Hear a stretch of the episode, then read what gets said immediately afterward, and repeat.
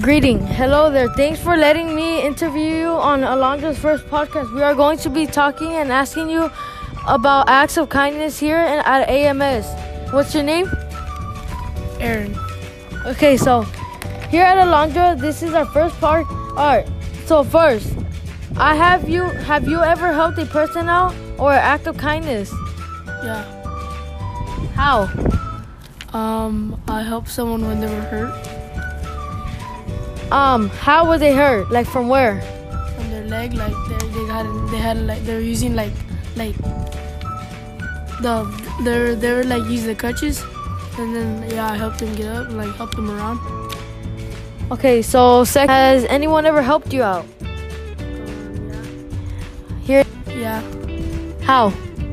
Um, when I had my crutches, they helped me out Uh, how did you get those crunches? uh, because I I, I had stitches because I hurt myself. Okay, so let's go to the third. Um, how did you feel? How did it make you feel when you helped someone out? Good. Like how? Like you felt like, like you actually did something good. Like how? Yeah, I fe- I feel like like it feels good like help people out. And Okay, so, uh, B, have you ever said any something nice to them that made them feel good and good about yourself too? Uh, yeah. I said like I said like they're good at something. What was that? Um, soccer. Okay, so, um, what day did you do a act of kindness here in Alondra? Um, for like last year.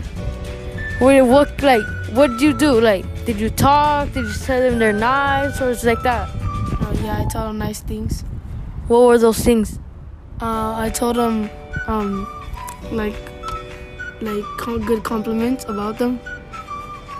Um, like um, you're good at this thing and like like that like they're good at like soccer and how they dress and how they look. And yeah. Okay, so um here thanks for the first podcast here in at Alondra AMS. This is uh first podcast with Aaron and yeah.